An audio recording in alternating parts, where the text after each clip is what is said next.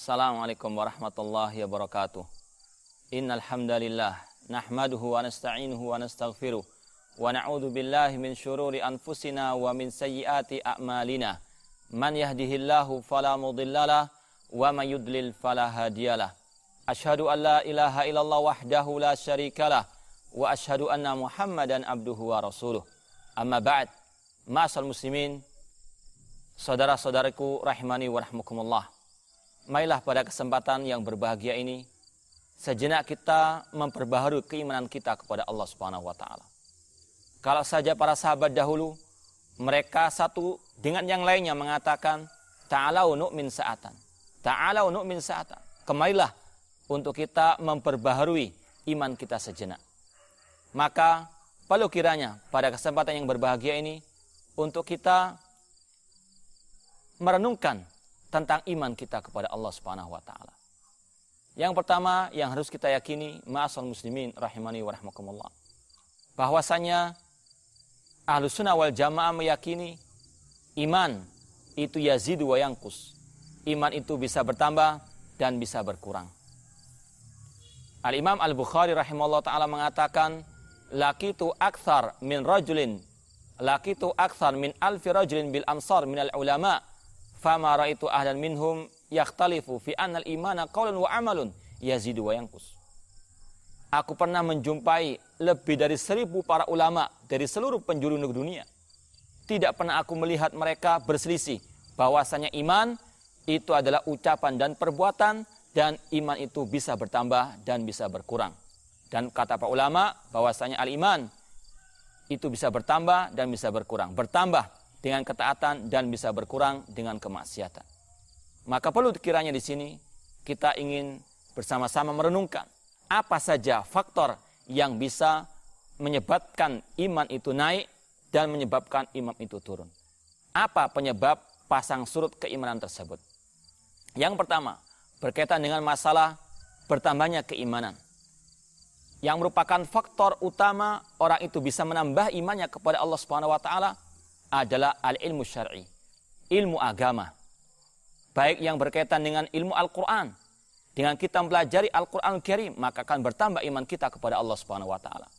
Allah Subhanahu wa taala berfirman, "Innamal mu'minuna alladzina idza dzukirallahu wajilat qulubuhum wa idza tuliyat 'alaihim ayatuhu zadatuhum imana wa 'ala rabbihim yatawakkalun."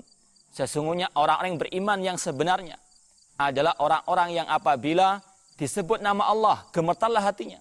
Dan apabila dibacakan ayat-ayat Allah, maka bertambahlah iman mereka kepada Allah dan kepada Allah Rabb mereka, mereka bertawakal. Allah mengatakan, "Afala yatadabbarun al-Qur'an am ala qulubin akfaluha?" Tidakkah mereka mentadabburi Al-Qur'an? Apakah hati mereka telah terkunci? Kalau kita mau menambah iman kita kepada Allah, kita kembali kepada Al-Qur'an, kembali membacanya, kembali mempelajari maknanya, dan mengamalkan isinya. Demikian pula di antara ilmu syar'i yang bisa menambahkan iman kita kepada Allah Subhanahu wa taala adalah belajar tentang tauhid asma wa sifat, tentang nama-nama dan sifat-sifat Allah Subhanahu wa taala. Yang mana para ulama mengatakan man kana a'raf billah kana minhu akhwaf. Barang siapa yang mengenal Allah Subhanahu wa taala, yaitu lewat nama-nama dan sifatnya yang telah tercantum dalam Al-Qur'an dan sunnah yang sahihah, maka dia akan lebih takut kepada Allah Subhanahu wa taala. Maka dari itulah Allah berfirman, "Innama yakhsyallaha min ibadil ulama." Sesungguhnya orang-orang yang takut kepada Allah dari hamba-hamba kami adalah para ulama. Karena mereka adalah orang yang paling tahu tentang Allah, tahu tentang nama-nama dan sifat-sifat Allah Subhanahu wa taala. Kalau kita mau menambah iman kita kepada Allah, di antara caranya belajar tentang tauhid asma wa sifat sesuai dengan metode Ahlus Sunnati wal Jamaah.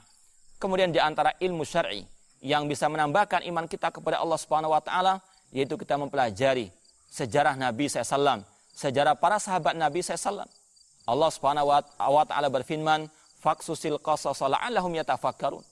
Kisahkanlah kepada mereka kisah-kisah para anbiya, kisah-kisah orang-orang yang saleh, kisah-kisah para sahabat agar mereka berpikir, agar mereka betul-betul bisa menambahkan iman mereka kepada Allah Subhanahu wa taala. Demikian pula Allah berfirman, "Walakon fil qisasi hayatun liulil albab." Dan di dalam kisah-kisah tersebut ada ibrah, ada pelajaran yang berharga bagi orang-orang yang berpikir, bagi orang-orang yang berakal. Maka kewajiban kita sekali lagi adalah kita mempelajari sejarah Nabi SAW, sejarah para sahabat Rasulullah SAW. Bagaimana mereka bisa istiqamah di atas al-iman. Bagaimana mereka betul-betul menjadi hamba-hamba Allah yang merupakan hamba-hamba pilihan Allah Subhanahu wa taala. Maka dengan kita mempelajari sejarah mereka, maka akan menambah iman dan ketakwaan kita kepada Allah Subhanahu wa taala. Kemudian juga di antara ilmu yang juga bisa menambahkan iman kita kepada Allah Subhanahu wa taala adalah ilmu yang berkaitan dengan keistimewaan-keistimewaan al-Islam. Kalau kita bandingkan bahwasanya Islam adalah agama yang hak, tidak ada agama yang hak selain Islam. Kalau kita perhatikan keutamaan-keutamaan Islam, maka hal itu akan semakin memantapkan iman kita kepada Islam, kepada Allah Subhanahu wa taala, kepada Rasulnya sallallahu alaihi wasallam. Kemudian yang kedua, di antara faktor yang bisa menambah iman kita kepada Allah Subhanahu wa taala adalah merenungkan ayat-ayat Allah Subhanahu wa taala. Merenungkan kekuasaan Allah di alam semesta ini. Allah Subhanahu wa taala banyak sekali mengajak kita untuk berpikir, untuk merenungkan tanda-tanda kekuasaannya yang ada di atas muka bumi ini. Allah Subhanahu wa taala berfirman, "Wa fil ardi ayatul lil muqinin." Dan di atas muka bumi ini ada tanda-tanda kekuasaan Allah bagi orang-orang yang yakin. Wa fi anfusikum afala tubsirun. Dan dalam diri kalian, tidakkah kalian mau merenungkannya? Dari ujung rambut sampai ujung kaki kita, itu merupakan tanda-tanda kekuasaan Allah. Sudahkah kita memikirkan itu adalah nikmat Allah Subhanahu wa taala. Itu adalah tanda-tanda kekuasaan Allah yang kewajiban kita bersyukur kepada Allah. Yang kewajiban kita untuk kita menghambakan diri kepada Allah Subhanahu wa taala, untuk kita mentauhidkan Allah Subhanahu wa taala dan tidak menyekutukannya dengan sesuatu apa pun. Allah Subhanahu wa taala juga berfirman, "Afala yanzuruna ilal ibli kaifa khuliqat wa ila samai kaifa rufi'at wa ilal jibali kaifa nusibat wa ilal ardi kaifa sutihat." Tidakkah mereka memperhatikan bagaimana unta-unta itu diciptakan. Bagaimana kedahsyatan penciptaan Allah terhadap unta-unta tersebut yang memiliki hal-hal yang luar biasa jika dibandingkan dengan binatang-binatang yang lainnya. Demikian pula Allah mengatakan wa ila sama'i kaifa rufi'at dan tidakkah mereka memperhatikan bagaimana langit-langit ini Allah tinggikan. Sungguh luar biasa kekuasaan Allah Subhanahu wa taala.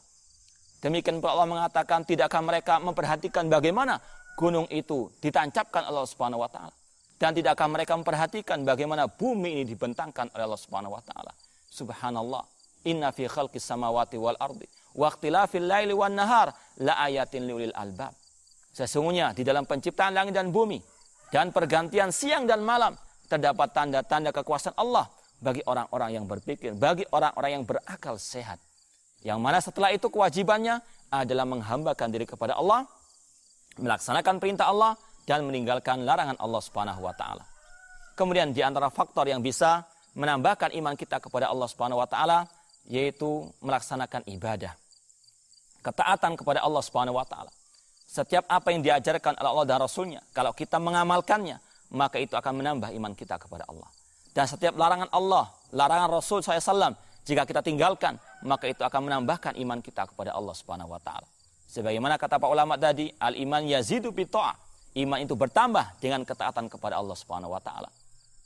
Kalau kita renungkan misalnya pada waktu bulan Ramadan, bulan yang penuh berkah, yang Allah Subhanahu wa taala banyak memberikan kepada kita kesempatan untuk beribadah kepadanya. Puasa, membaca Al-Qur'an, salat taraweh, yang mana hati manusia, iman manusia ketika bulan yang suci itu yang penuh dengan ibadah kepadanya itu bertambah yang tidak dirasakan pada bulan-bulan yang lainnya. Itu dikarenakan pada waktu orang itu berpuasa, melaksanakan ibadah di bulan Ramadan, maka bertambah imannya kepada Allah Subhanahu wa taala. Itu tiga faktor bertambahnya iman kepada Allah Subhanahu wa taala. Belajar ilmu syar'i, kemudian merenungkan tanda-tanda kekuasaan Allah di alam semesta ini, kemudian melaksanakan ibadah kepada Allah Subhanahu wa taala. Tentunya dengan ajaran tuntunan Rasulullah SAW. Kemudian Kata para ulama bahwasanya iman bisa berkurang dengan dua faktor. Faktor internal dan faktor eksternal. Faktor dari dalam dan faktor dari luar. Adapun faktor dari dalam orang itu sendiri, yang pertama adalah al-jahal, kebodohan. Bahwasanya kebodohan itu merupakan sebab turunnya iman. Sebab lenyapnya iman dari seorang hamba. Allah Subhanahu wa taala berfirman, "Innamat taubatu 'ala Allahi lilladina ya'maluna su'a bijahalah." Sesungguhnya Allah menerima taubat orang-orang yang berbuat kekejian, berbuat kemaksiatan karena kebodohannya. Dan para ulama mengatakan, "Kullu man asallahu fahuwa jahil." Setiap orang bermaksiat kepada Allah, dia adalah seorang yang jahil. Jahil mungkin terhadap hukum-hukum Allah, terhadap larangan-larangan Allah, ataupun mungkin jahil terhadap akibat yang ditimbulkan daripada perbuatan maksiat tersebut. Maka seorang hamba harus mengangkat kejalan dari dirinya dengan dia belajar ilmu agama. Bahkan naudzubillah min dalik, orang itu akan hilang imannya karena kejahilan terhadap at-tauhid. Allah Subhanahu wa taala mengkisahkan tentang Nabi Musa alaihissalam dengan Bani Israel. Ketika Bani Israel meminta kepada Nabi Musa untuk dijadikan berhala-berhala untuk mereka sembah selain Allah Subhanahu wa taala. Ajalal alihat ij'al lana ilahan kama lahum aliha. Qala innakum qaumun tajhalun. Jadikanlah untuk kami wahai Nabi Musa berhala-berhala sesembahan-sesembahan selain Allah Subhanahu wa taala sebagaimana mereka memiliki sesembahan. Maka Nabi Musa mengatakan innakum qaumun tajhalun. Sesungguhnya kalian adalah orang yang jahil. Kejahilan merupakan musuh bagi manusia itu sendiri. Kejahilan menjadikan orang itu jatuh ke dalam lembah kesyirikan, kebid'ahan, kemaksiatan yang semua itu bisa naudzubillah min dalik menurunkan imannya, bahkan naudzubillah min dalik membatalkan keimanannya kepada Allah Subhanahu wa taala. Kemudian faktor yang kedua dari faktor-faktor internal yaitu al-ghaflah, lalai. Lalai dari Allah Subhanahu wa taala, lalai untuk mengingat kampung akhiratnya. Allah Subhanahu wa taala berfirman, "Ya'lamuna dhahiran minal hayati dunya wa hum anil akhirati hum ghafilun." Mereka tahu tentang urusan dunia, namun mereka terhadap akhirat lalai. Allah juga berfirman, "Walaqad dzara'na li jahannama katsiran minal jinni wal insi, lahum qulubun la yafqahuna biha wa lahum a'yunun la yubassiruna biha wa lahum adhanun la yasma'una biha ulaika kal an'am bal hum adal ulaika humul ghafilun." Sungguh kami memasukkan kebanyakan dari jin dan manusia ke dalam api neraka jahanam. Mereka memiliki hati namun tidak untuk memikirkan ayat-ayat Allah Subhanahu wa taala. Mereka punya mata namun tidak untuk melihat kebenaran. Mereka punya telinga namun tidak untuk mendengar kebenaran. Ulaika kal an'am. Mereka itu seperti binatang ternak bahkan mereka lebih sesat dari binatang ternak. Apa sebabnya ulaika humul ghafirun? Karena mereka lalai daripada at-tauhid, lalai daripada sunnah Rasul sallallahu alaihi wasallam. Kemudian faktor yang ketiga daripada faktor-faktor intern yang bisa menurunkan iman seorang hamba kepada Allah Subhanahu wa taala adalah kemaksiatan kepada Allah Subhanahu wa taala. Setiap maksiat yang dilakukan oleh seorang hamba pasti akan menurunkan keimanannya. Sebagaimana ijma' al-sunnah mengatakan bahwasanya al-iman yang kusubil maksiyah. Iman itu akan turun, akan mengalami kesurutan dikarenakan perbuatan maksiat. Dan itu yang ya sering kita merasakannya. Ketika kita berbuat maksiat, iman akan turun. Sedikit demi sedikit. Dan naudzubillah midalik. Kalau kita tidak bertobat, tidak kembali kepada agama Allah, akan lenyap iman itu dari diri kita. Naudzubillah min dalik. Kemudian faktor yang keempat, dari faktor intern adalah an-nafsu al-ammaratu bisu. Bahwasanya jiwa manusia itu sudah ada bakat untuk dia berbuat kejelekan. Inna nafsa al-ammaratu bisu. Sesungguhnya jiwa itu menyeru kepada hal yang jelek. Kalau kita tidak menfilternya, kalau kita tidak mencegahnya, kalau kita tidak menimbangnya dengan timbangan Al-Quran dan Sunnah Rasulullah SAW, maka kita akan jatuh ke dalam penyimpangan, kemaksiatan, dan hal-hal yang bisa menurunkan iman kita kepada Allah Subhanahu wa taala. Kemudian yang terakhir di antara faktor yang bisa menurunkan iman seorang hamba kepada yang bisa menurunkan iman hamba yaitu faktor ekstern dari luar. Yang pertama adalah asyaiton, godaan asyaiton. Setan selalu membisikkan agar hamba menyimpang bermaksiat kepada Allah Subhanahu wa taala. Oleh karena itulah Allah mengatakan wala tattabi'u khutuwatis syaitan innahu lakum aduwwum mubin. Janganlah kalian mengikuti langkah-langkah syaitan karena dia adalah musuh yang nyata bagi kalian. Innama ya'murukum bisu'i wal fahsya wa antakulu 'alallahi ma la ta'lamun. Sesungguhnya setan itu menyeru kepada kekejian dan kepada kemungkaran dan agar kalian mengatakan tentang Allah, tentang agama Allah apa yang kalian tidak ketahui. Kemudian yang kedua, di antara faktor ekstern, faktor dari luar orang itu adalah zinatud dunia. Gemerlapnya dunia. gemelapnya dunia menjadikan orang siloh, menjadikan orang lalai daripada agama Allah Subhanahu wa taala, lalai untuk beribadah kepada Allah, lalai tentang tujuan hidupnya di atas muka bumi ini untuk beribadah kepada Allah Subhanahu wa taala. Oleh karena itulah Allah Subhanahu wa taala banyak mengingatkan kita agar kita tidak tertipu, agar kita tidak dilalaikan dengan urusan dunia kita. Alhaqumut takatsur hatta zurtumul maqabir. Bermegah-megahan tentang dunia, tamak kepada dunia menjadikan kita lalai dari perintah Allah Subhanahu wa taala. Hatta zurtumul maqabir, sampai kalian masuk ke dalam kuburan. Demikian pula Allah mengatakan, Ya ayuhalladina amanu la tulhikum amwalukum wala auladukum an dzikrillah. Wahai orang-orang beriman, janganlah harta dan anak keturunan kalian melalaikan kalian daripada agama Allah Subhanahu wa taala. Kemudian yang terakhir yang ketiga, di antara faktor ekstern adalah corona usu. Teman-teman, sahabat-sahabat dekat yang jelek. Berapa banyak manusia yang jatuh ke dalam kesyirikan Berapa banyak manusia yang jatuh ke dalam kebid'ahan, ke dalam kemaksiatan, ke dalam narkoba, atau dalam kriminalitas dikarenakan teman yang jelek. Oleh karena itulah Rasulullah SAW mengatakan, Almar'u ala dini khalilihi, fal yandur ahadukum man yukhalil. Seseorang itu tergantung agama sahabat dekatnya, teman karibnya.